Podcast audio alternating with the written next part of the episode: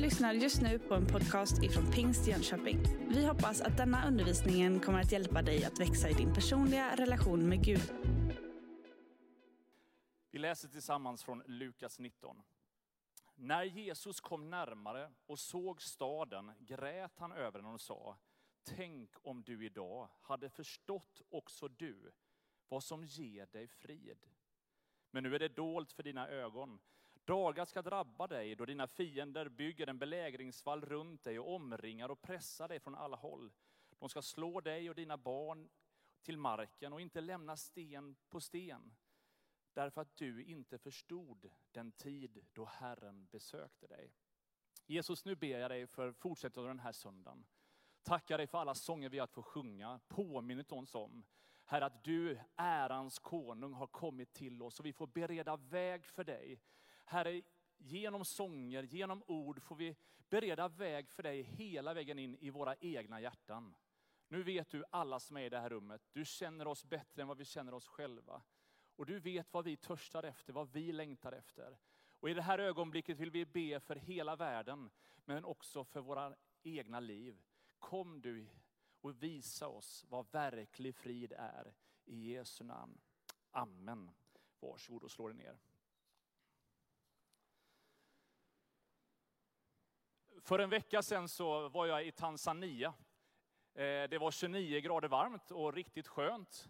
Och så satte jag mig på ett flygplan och 36 timmar senare så hamnade jag i Jönköping och eh, gick och la mig och sov. Och sen väcktes jag på eftermiddagen av vår yngsta son som tyckte att nu är det läge att eh, göra snögubbar.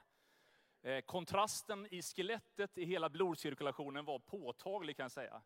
Men det blev en majestätisk snögubbe. Och eh, den var ju sådär Instagramvänlig, man kände den var perfekt i konturerna, den var högre än vad han var. Och man kände det här är perfekt. I morse när jag skulle liksom gå upp och tända lite ljus i soffan och förbereda det sista inför den här söndagen, så tittade jag ut över den där snögubben. Den som alldeles nyss var sådär fantastisk, ja nu ser man ju att det ligger någon morot där, det ligger några stenar, någon halsduk och någon mössa som jag undrar vad som kommer hända med den efter jul tvära kast. Det som ibland kan se sådär fantastiskt ut kan ganska snabbt få andra förutsättningar. Och faktum är att mörkret i våran del av världen påverkar oss mer än vad vi tror. Jag vet inte ifall du berörs så mycket av årstiderna. Men jag tyckte det var intressant att bara läsa in mig lite på allt det där vad kroppen faktiskt gör och känner när det blir en frånvaro av ljus. När det blir lite för mörkt så är det inte bara det att det påverkar oss lite, utan de som kan det här långt mycket bättre än jag konstaterar att det påverkar vår dygnsrytm, vår sömn, humör, stress. Vi har till och med lite svårt att hålla det emotionella på plats. Eh, det verkar som att vi behöver ljus för att också kunna känna glädje och vara glada.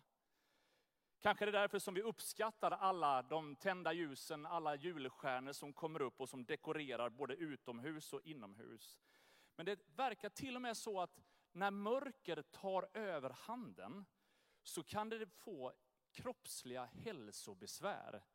Där vi får trötthet på dagen, sömnproblem, stress, sänkt immunförsvar, sänkt välbefinnande, sänkt prestationsförmåga lägre behov av att umgås med andra, sänkt aktivitetslust, vintertrötthet. Det kommer bli en roligare predikan om en stund. Jag bara håller ut. Det blir lite bättre snart. Men det verkar som att mörkret har en förmåga att när det blir lite för mycket mörkt, så påverkar det oss på alla sätt och vis. Det påverkar mer än vad vi skulle önska. Vi kan inte påverka jordaxelns vinkel, det är liksom svårt att påverka den. den. Den är som den är, vi får på något sätt acceptera att vi bor på den sidan som har det så här ganska många månader om året. Men samtidigt så är ju hela evangeliehälsningen om en frid ett ljus som övervinner mörkret. Faktum är att Bibelns absoluta början deklarerar att jorden var öde och tom. Att det fanns ett mörker som gjorde att inget liv kunde finnas, ingenting kunde växa, ingenting kunde leva. Men så säger Gud, var det ljus? Och så förändras förutsättningarna för allt. Och det jag är helt övertygad om är att Guds ord fortfarande är lika levande, lika verksamt. Har samma förmåga att göra mirakler så att det som nu är omöjligt, det som verkar totalt svårt, har han en förmåga att vända och tala liv in i.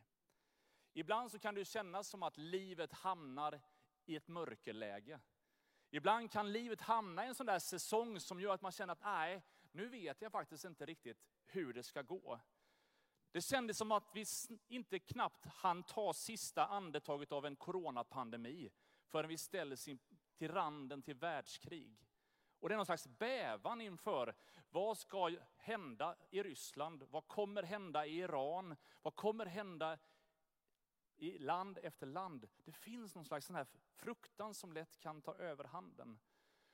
Och ju mer mörker det är, ju mer svårigheterna är, så har det en förmåga att dämpa sikten. Det verkar som att framtidstro, möjligheter och optimism och hopp verkar bli bestulet när det blir allt för mörkt runt omkring oss.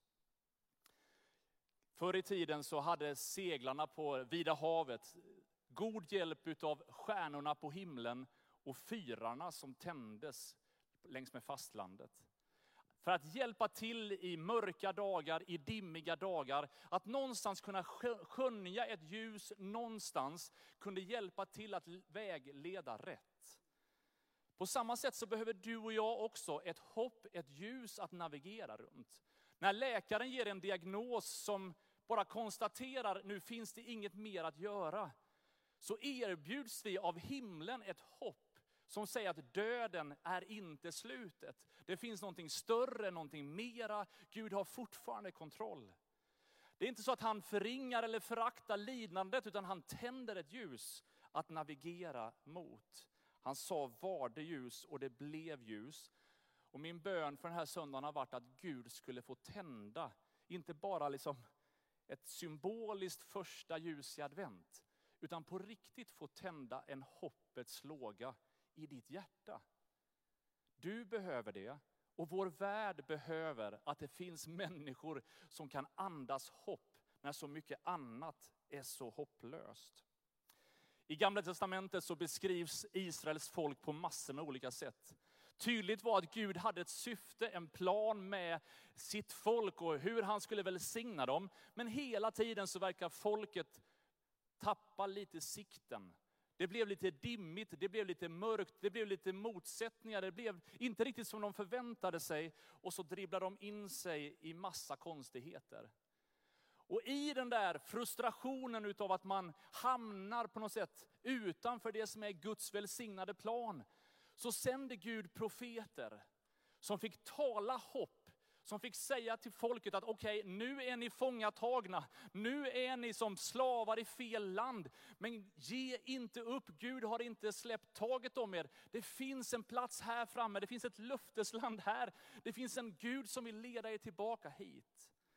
Och i en av de majestätiska hälsningarna, de hittar vi i Jesaja kapitel 9. Och jag skulle vilja ta dig med i den där Messiaslängtan som Israels folk fick flera hundra år innan Jesus föddes i stallet. Där inleds Jesaja 9 med de första verserna så här. Ett löfte. Men det ska inte vara nattsvart mörker där ångest nu råder. Det folk som vandrar i mörkret ska se ett stort ljus. Över dem som bor i dödsskuggans land ska ljuset stråla fram. Vad befriande skönt att veta att det är inte Putin som har sista ordet i framtiden för våran värld. Det är inte klimatkris eller energikris eller politiska kriser som på ett sätt kommer ha det som definierar oss. Även om vi behöver ta allt det där på allvar, så finns det ett löfte om att det ska inte förbli nattsvart mörker där ångest nu råder. Jag vet aldrig Vet inte ifall du har upplevt sådär djup ångest. En otrevlig, obehaglig upplevelse. När allt det som är tufft och tungt tar över på ett sånt sätt som gör att det känns som att ingen utväg finns. Jag bara känner sån respekt för det här bibelordet. Att någonstans mitt i det svåraste utav svåra, så vill Gud bara deklarera över våra liv. Det är inte ångesten eller mörkret som har sista ordet. Det finns ett himmelskt löfte om ett ljus som ska stråla fram. Kanske är du med här idag som har fått ett besked som gör att det känns som att du sitter fast i nattsvart mörker. Kanske kämpar med ett sorgebesked eller med ett missbruk som du aldrig kommer ur. Ångest ska bytas till frid. Den som vandrar i mörkret ska se ett stort ljus. Det finns ett himmelskt ska på det som är ditt mörker och det som är din förtvivlan. Till de som bor i dödsskuggans land, där ska ljuset stråla fram. Vilket underbart löfte! Att till och med när jag kämpar med svåra situationer som död, så är inte det slutstationen. Utan Jesus säger att jag är uppståndelsen och livet. Den som tror på mig ska leva om han än dör. Vilken fantastisk hälsning. Där jag till och med i livets mörkaste ögonblick känner att det finns ett ljus som möter mig. Fortsättningen i den här profetiska hälsningen är ju någonting att klamra sig fast vid i våran tid särskilt. För du ska bryta deras bördors ok, deras skuldrors käpp och deras plågares stav som på Midjans tid. Ja, varje stövel buren i stridslarm och varje mantel vältrad i blod ska brännas upp och förtäras av eld. Åh, vad gott det skulle vara fall alla dessa miljarders miljarder som nu pumpas in för att skapa granater, kanoner, ammunition och all utrustning till krig skulle kunna få bli till någonting annat. Stridslarm. Alla, alla de här sociala, strukturella orättvisorna som finns över världen. All global fattigdom som man känner bara sån olust inför. Man känner bara, Gud förbarma dig, grip in. Och här står det rakt upp och ner att Gud, han är intresserad utav skapelsen och han är angelägen av att se till så att den fångne blir fri. Att den som är förtryckt får leva fritt. Han är mån om att plågarens slav ska brytas sönder. Och varenda stridslarm, varenda stövel, till och med buren i stridslarm, ska på något sätt förintas. Ett slut på krig och terror. Det är det som advent i gammaltestamentlig mening var. Hela Israels folk, de samlades gång på gång på gång och längtade. När kommer den dagen? Vi har väntat i hundratals år, när kommer den här dagen? Vi törstar så efter verklig frid, vi törstar så efter att fred och frihet ska råda. Någonstans hade de fått återvända till sitt land. Men nu var de ockuperade av den romerska ockupationsmakten. Och de kände bara, när blir vi av med detta? När kommer vår frihet? Och det är i den myllan som Jesus rider in. Han har gjort mirakler. Han har talat tro, talat liv. De börjar ana att han är någonting mera än vad någon annan de hade mött förut var. Han talar och säger och visar på vem han är och de känner, det är nog han. Här kommer uppfyllelsen utav alla de löften som vi har hört om innan. När vi läser de här texterna så hamnar vi liksom på något sätt rakt in i berättelsen om han rider in i Jerusalem. Det är ganska intressant att faktiskt läsa kapitlen innan. Och om du läser i Lukas evangeliet när du kommer hem, så kan du ha ett härligt bibelstudium under flera kapitel som är en lång pilgrimsvandring i Jesu liv. Där han går från stad till stad, by efter by. Och någonstans så närmar vi oss så småningom Jerusalem.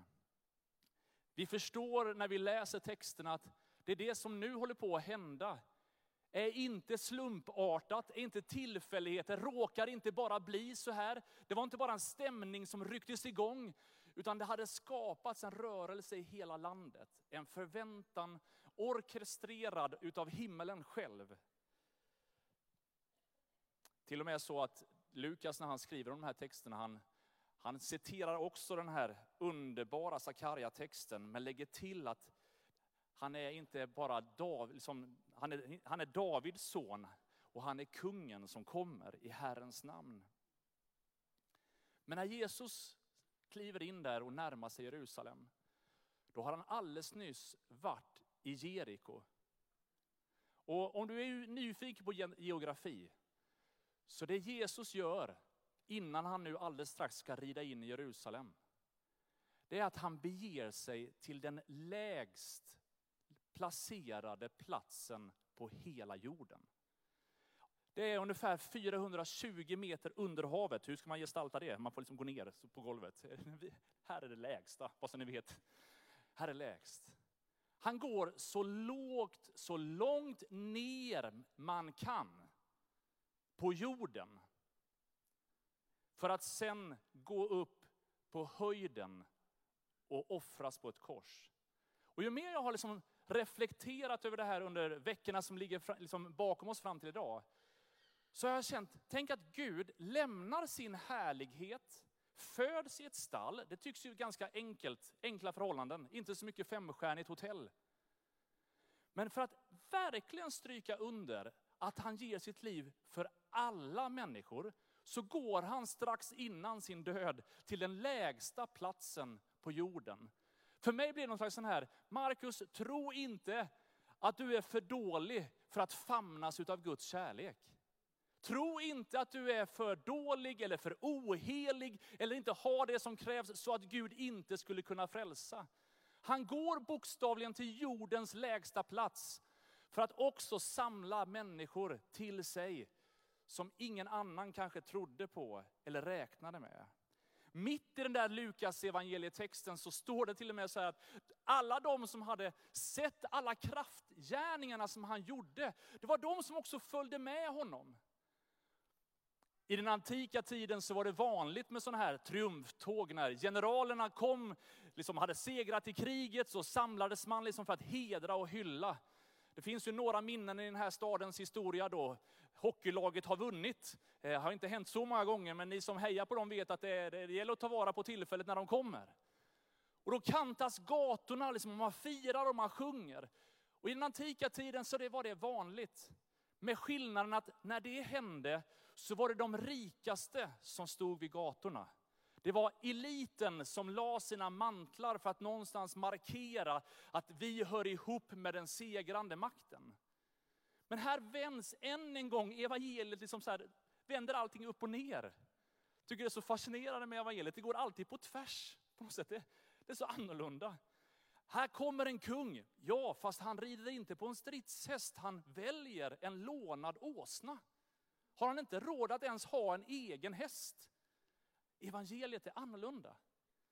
När han kliver in i staden så är det inte ackompanjerat av att alla arméer går där med sina pukor och med sina vapen.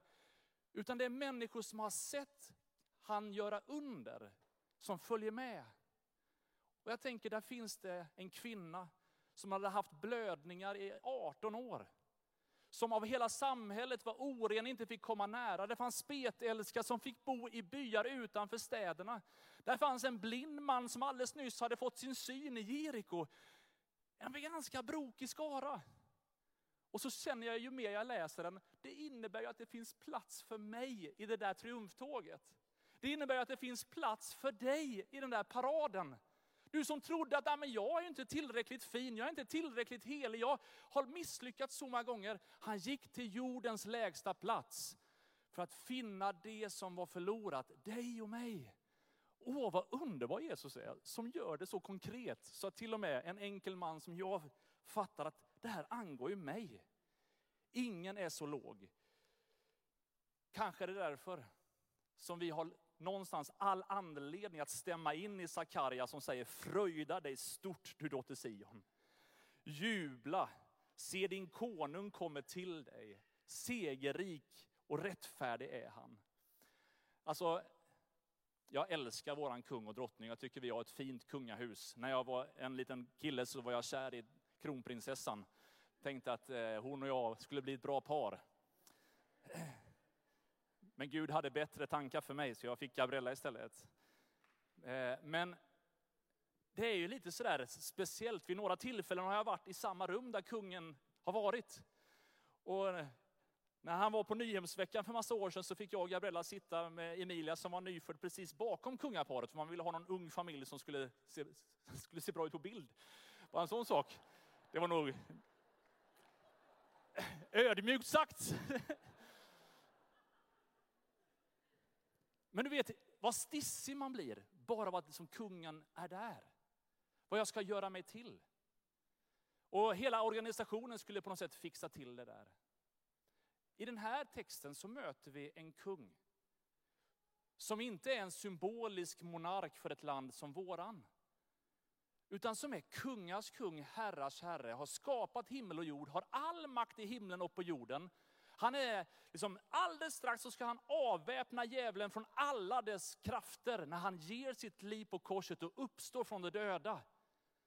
Han är beredd att ödmjuka sig och komma till oss.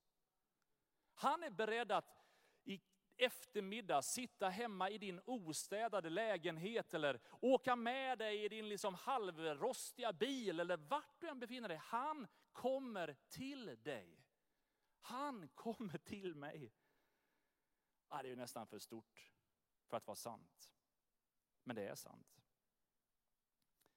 Paulus säger i första Korinthierbrevet så här, nej, det som för världen var dåraktigt utvalde Gud för att förmjuka det visa. Och det som för världen var svagt utvalde Gud för att förmjuka det starka.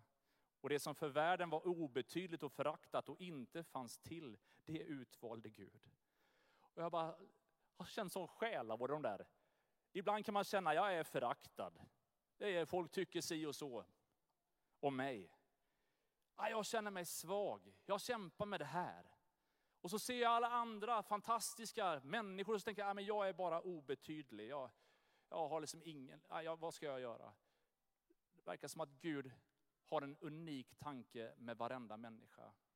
Han har utvalt dig, han kommer till dig, han vill lysa med sin frid över dig på ett sånt sätt så att ditt liv blir ett fyrtorn för andra människor. När du går till din arbetsplats imorgon så är Guds längtan att han ska lysa genom dig så att dina arbetskamrater känner att det är en skillnad på jobbet när du är där. De hatar när du jobbar hemifrån för du saknas, ett fyrtorn saknas. Eller när du kommer in i klassrummet imorgon så ska dina klasskompisar känna att det är så tryggt och skönt att ha dig i rummet. Det är gott att du är här. Inte för att du och jag är så förträffliga, men för att Gud bor i oss. Att hans frid och kärlek får strömma i och genom oss. I det där annorlunda paradtåget, där vill jag vara med och jag hoppas att du också vill vara det. Problemet med den här bibeltexten, det är att den slutar inte i det där crescendot att alla lever lyckliga sina dagar och liksom bara känner bara wow, nu är det party och så bara firar de hela vägen in i himlen. Utan vi förstår av bibeltexten att det är någon slags dramatisk vägskäl. Alldeles snart så kommer denna stora folkhop stå där vid korset förundrade. Men var det inte han som skulle befria oss? Tänk om Jesus bara kunde använda den här atmosfären utav parad, då kanske han hade sluppit det där korset. Att du inte tar vara på tillfället. Nu är ju allting riggat för att någonstans bara ta över. Folket är med dig, vi kommer bekämpa romarna, vi kommer bli fria. Och så väljer Gud att göra på ett annat sätt. Och det verkar som att varje gång Gud gör på ett annat sätt, riskerar vi att någonstans tappa blicken på honom. Vi gör oss hellre en egen kung som vi kan tillbe, än att tillbe Kristus som vår kung. Där vi hellre konstruerar kulter och riter som tillfredsställer våra behov, än en kung som är beredd att ge sitt liv för den mest utsatta, den mest trängda. Som till och med utmanar att be för våra fiender. Är vi beredda att ta emot en annorlunda kung? Är vi beredda att ta emot friden från himlen? Eller rycks vi med i folkmassans otydliga förväntningar på hur det här ska gå till? Det är ju därför som Jesus just vid det där ögonblicket när glädjen är som störst, när euforin är som högast, palmbladen viftas och klädsmantlarna böjs, som han böjer sina knän och gråter över staden och säger bara, tänk om ni fattade. Att det inte är A6 och nya julkulor som kommer ge dig friden. Tänk om ni kunde fatta att det är inte den nyaste iPhone-modellen som kommer göra dig riktigt fylld av frid. Tänk om du kunde förstå att det handlar inte om att lägga så mycket tid på allt det där andra som kommer lösa det. Ett är viktigast. Men är det så att vi rycks med i köpparaden, vi rycks med i alla prylar som vi borde ha eller det spelar ingen roll ifall vi tränar in alla julsånger, men tillåter inte sången röra vid vårt innersta hjärta. I avslutningen på den här Jesaja-texten vi läser så står det så här, ett barn blir oss fött, en son blir oss given. På hans axlar vilar herradömet och hans namn är under, rådgivare, mäktig Gud, evig far, fridsförste. Så ska herradömet bli stort och friden utan slut över Davids tron och hans rike. Det ska befästas och stödjas med rätt och rättfärdighet från nu och till evig tid. Herren Sebaots lidelse ska göra detta. Ett barn blir oss fött. Ska be att orkestern kommer fram här och ska vi alldeles strax gå mot avslutningen av vår gudstjänst. På samma sätt som vi hörde i texten om att en konung kommer till dig, så har himlen sagt, ett barn blir dig givet. En gåva från himlen till hela mänskligheten som säger, jag vill ge mig själv till er. Jag vill erbjuda himmelens skatt till dig. Och att du genom att ta emot honom, ta emot detta barn som frälsningen från himlen, så kan den där fredsfursten inte bara besöka dig, utan uppfylla dig. Förstå den tid då Herren besökte dig. I Bibelns sista bok, i Uppenbarelseboken, så står det så här, jag står vid dörren och klappar på. Om någon hör min röst och öppnar dörren ska jag gå in till honom och hålla måltid tillsammans med honom och han med mig. Det här är liksom egentligen den enda förbehållet för varje människa när det kopplas till evig frid. Trots Guds allmakt, trots all hans kraft, trots allt det han längtar efter att få göra i våra liv, så kommer han aldrig någonsin våldföra sig på en enda människa, tvinga sig på en enda människa. Utan han är beredd att gå till jordens lägsta punkt. Men han förbehåller att du och jag släpper in honom, öppnar upp våra hjärtan och säger Jesus, jag vill ta emot dig. Jag vill tro på dig, jag vill leva mitt liv för dig. Om du öppnar dörren, han ställer inga andra krav än att säga, säger du välkommen in, då kommer han.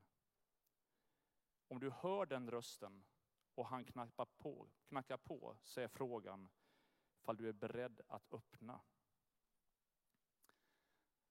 När våra barn är små, då eh, får vi, på grund av att vi bor i det här landet, ge dem AD-droppar. Har ni varit med om det?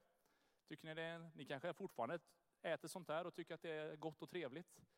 Man ska tvinga i dem några, några droppar och så ska man räkna de där dropparna. Inte helt enkelt Och veta hur många droppar som det blev varje gång, men man försöker så gott man kan.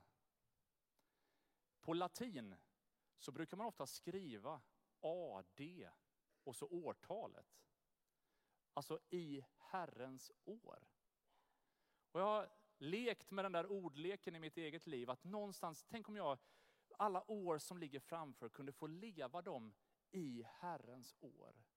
Medveten om att han är min frid, han är min kraft, han är med mig, han följer med mig. Du har just lyssnat på en podcast ifrån Pingst Jönköping. För att få reda på mer om vilka vi är och vad som händer i vår kyrka så kan du gå in på pingstjonkoping.se eller följa oss på sociala medier via pingstjkpg.